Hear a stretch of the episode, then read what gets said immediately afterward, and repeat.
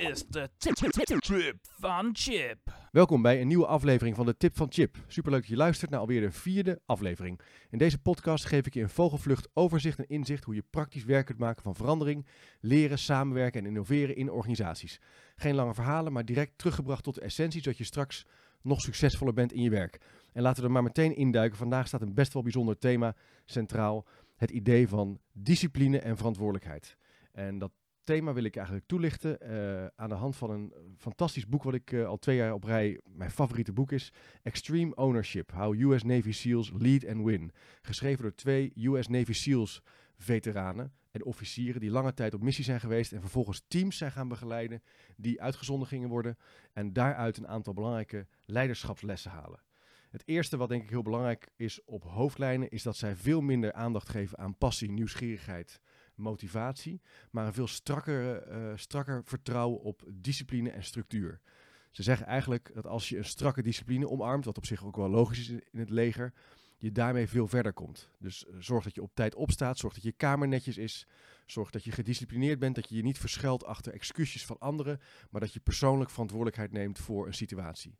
En die teams zijn dan ook zo succesvol omdat ze eigenlijk die schaduwkant van teamsamenwerking, toch de neiging om op anderen te, blijven, te leunen, ofwel de schuld af te schuiven op anderen, ze dat niet toestaan. En ik denk dat dat het nieuwe thema gaat worden in verandermanagement. Voor mij is het in ieder geval zeker een nieuw thema. Um, en dat hele idee van complexiteit reduceren, want dat is ook wat ze doen, komt ook, ook onder andere voort uit ja, zelfhulpboeken van Marie Kondo, uh, Jordan Peterson en dus ook Jocko Willink. Um, je zou kunnen zeggen, simpelheid, een nieuw leven van structuur en discipline, in de spiegel kijken en hard werken. En hoe doen ze dat nou? Nou, het eerste punt waar Jocko Willink, en dat is een beetje de voor, ja, het gezicht van het boek, uh, die Lief Babin is wat minder aan de, op de voorgrond, is dat hij zegt van uh, je moet complexiteit reduceren. Je moet kijken wat is nu belangrijk op korte termijn, wat zijn de drie belangrijkste acties die je moet uitvoeren. Die moet je prioritiseren, op volgorde zetten en vervolgens moet je ze uitvoeren. En na de uitvoering moet je terugkijken met je team, kijken wat er goed ging, wat er beter kan taken veranderen of verbeteren en vervolgens opnieuw er hard tegenaan. Nou, zou je zeggen, nou, klinkt makkelijk. Uh, hoe ga je dat nou doen? Nou, het, mooie is uh, dat in het boek een aantal leiderschapslessen worden uh, toegelicht en uitgewerkt. En die leiderschapslessen, daar zou ik graag op willen inzoomen. Um, het eerste punt waar ze sterk in geloven is nooit anderen de schuld geven als iets mislukt. En het klinkt heel makkelijk, maar het is in teams een ontzettend hardnekkige neiging om anderen of de omgeving en de context de oorzaak of veroorzaker te laten zijn van een probleem. En zij staan dat niet toe. Je moet jezelf verantwoordelijk houden voor het succes en het falen. Uh, tweede punt is, uh, geloof dat je kan winnen met je team. Dus wees er, vertrouw erop dat je met, met je team een prestatie kan neerzetten die ertoe doet. Als je er echt in gelooft, als je weet dat het kan, zal je ook succesvol zijn. Daar kan je dus ook naar vragen als leider bij aanvang van een project. Of in de dynamiek die je, die je nou ja, misschien merkt als je rondom een complex vraagstuk uh, aan de slag gaat. Het derde punt is, de, een echte leider neemt het meest moeilijke gedeelte van het project op zich. Dus leiderschap betekent dat waar het taai wordt en waar het ingewikkeld wordt, volgens uh, deze twee auteurs, dat een leider daar naartoe trekt en zegt: Ik laat wel zien hoe het moet.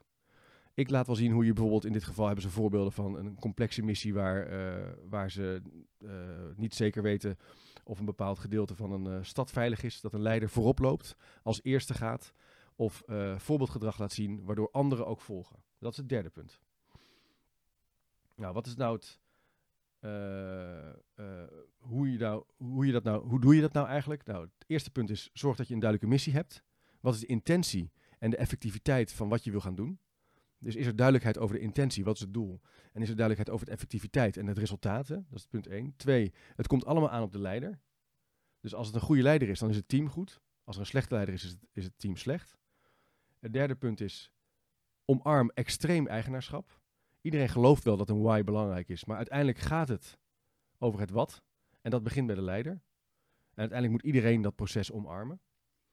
Vierde punt is, uh, zorg dat je onderpresteerders, mensen die dus niet dat leveren wat ze kunnen, dat je die kwijtraakt. Best wel een harde conclusie. Maar uh, de auteurs komen er eigenlijk achter dat als je echt in gevaarlijke situaties zit, het belangrijk is als team ook om niet-presteerders aan te spreken. Iets wat we in organisaties toch wel heel, veel, heel erg lastig vinden. En waarvan ik ook me merk dat veel managers worstelen met dat punt van niet presteren. Nou, in dit geval zeggen, zeggen de auteurs van Extreme Ownership, je hebt dat gesprek direct te voeren, want het, een missie kan in het gevaar komen. Maar die ander die niet presteert, wordt ook niet gelukkig om op het niveau, eh, onder zijn niveau iets te, niet te bereiken. Dus aan beide kanten zorg je er eigenlijk voor dat je het resultaat niet haalt. Dus benoem het en houd simpel en maak het niet presteren concreet en meetbaar.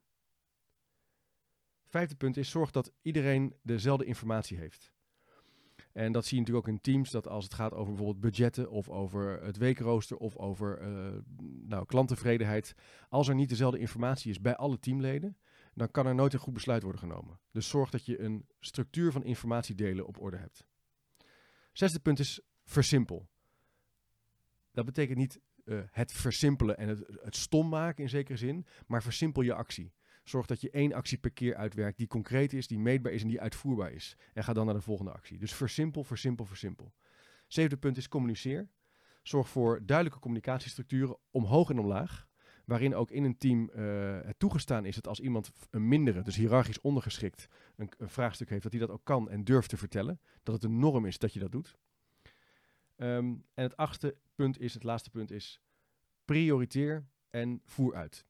Kijk naar je acties op korte termijn, maak een lijst, voer uit, kijk terug en ga naar de volgende actie. Een hele simpele ja, leercyclus van Kolp zou je kunnen zeggen. Iedereen doet dat natuurlijk ook wel. Maar bij verandering gaat het dus veel meer om, om heel duidelijk uh, het prioriteren en uitvoeren van de, van de interventies of activiteiten, om daarop in te zetten, dan op het veranderplan of op de onderstroom of op de bovenstroom of wat dan ook. Zij zeggen dat dat is uiteindelijk waar het hele eieren eten over gaat. Nou, uh, Jocko Willink zegt eigenlijk daarmee: discipline is de enige graadmeter voor succes. Uh, hij staat al uh, bijna twee jaar op de bestsellerlijst met zijn boek Extreme Ownership: How Navy SEALs Lead and Win. Zijn aanpak is misschien nog wel extremer. Discipline ontwikkelen is volgens hem de enige betrouwbare graadmeter om succes te bereiken. Zo staat hij bijvoorbeeld elke dag om half vijf op. En onderwerpt, onderwerpt hij zijn lichaam ook aan een soort keiharde fysieke krachttraining. Dus hij gelooft ook in dat die fysieke ascese en de structuur die je daarin omarmt, invloed heeft op je werkende leven. En wat ook heel erg leuk is, dat zijn podcast waarin hij vragen beantwoordt van luisteraars heel goed worden beluisterd.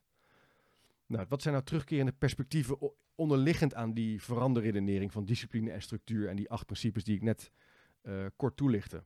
Het eerste punt is, de grootste vijand van vooruitgang is uitstelgedrag. Dus uitstelgedrag is ontzettend gevaarlijk. En met discipline is het punt van Jocko Willink, omarm je eigenlijk interventies op korte termijn. En voorkom je uitstelgedrag. Uitstelgedrag in het Engels procrastination is een van de grootste risico's om niet vooruit te komen. Het tweede punt is, uitstelgedrag kan je afleren door een discipline te ontwikkelen.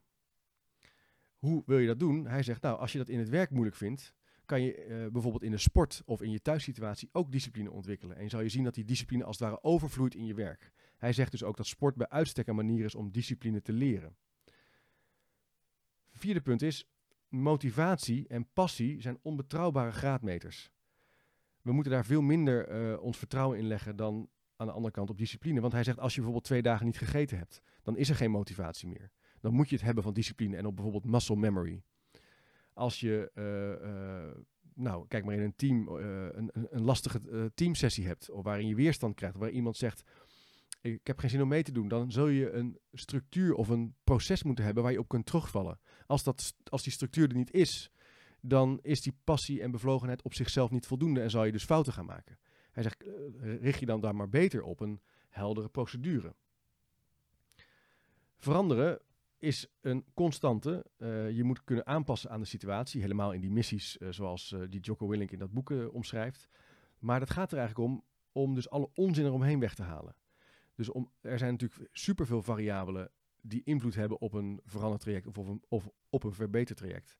En in dit boek houden ze een sterk pleidooi om alle nonsens eromheen weg te halen en je te proberen te focussen op de essentie. En die essentie kan je denk ik in leiderschap vrij snel boven tafel halen. Je kan het zien of kan het identificeren door bijvoorbeeld je klant te betrekken, door bijvoorbeeld je partners of stakeholders in het proces te betrekken, of bijvoorbeeld door duidelijke informatiestromen te, te hebben, zodat je goed kan laten zien waar het probleem meetbaar en zichtbaar aan de orde is. Dus als er bijvoorbeeld een slechte onderwijskwaliteit is, laat maar zien waar dat gebeurt. Als er klanten weglopen, uh, laat maar zien waar dat gebeurt, ga daar naartoe. Dus het gaat erom om dat dat onzinproces eromheen weg te halen en tot de essentie eh, terug te brengen en dan stap voor stap aan het werk te gaan. Nou, wat vraagt dan leiderschap? Leiderschap vraagt erom dat, eh, het, dat, dat je een vermogen hebt om elke dag het een beetje beter te doen. En dat doet me ook sterk denken aan het Verslaafd en Organiseren boek. Het gaat veel minder over een perfect, perfecte wereld na te streven, maar om elke dag het net iets beter te doen. Als je het elke dag net iets beter wil doen, kom je veel verder dan je te fixeren op een eindbeeld. Dus omarm het idee van elke dag vooruitgang als een sterkere graadmeter voor succes dan het ja, je vertrouwen hebben in een soort stip op de horizon. Tuurlijk moet er een missie zijn of een eindpunt, maar die moet concreet en meetbaar zijn.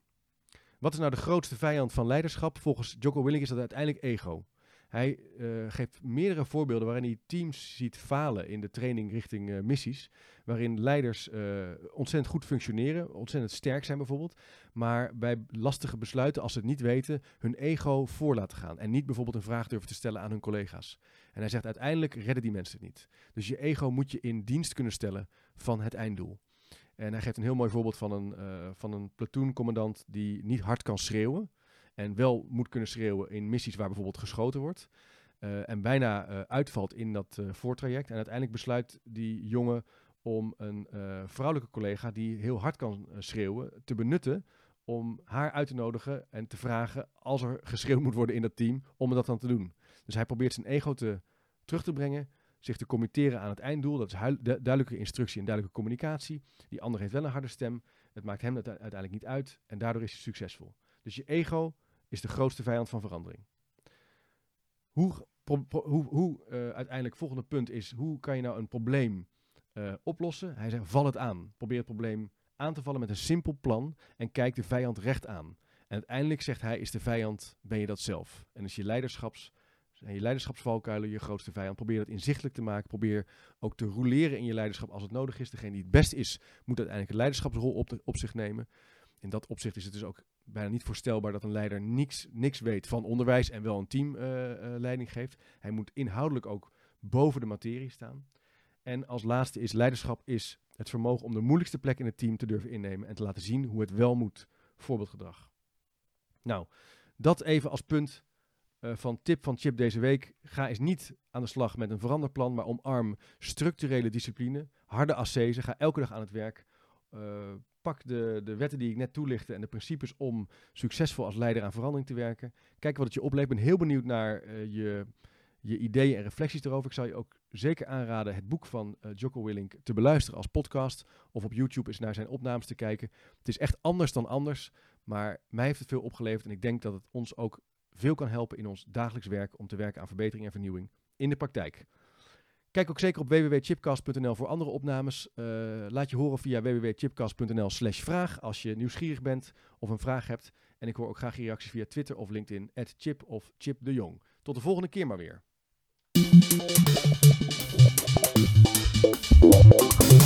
Dit is de Trip van Chip.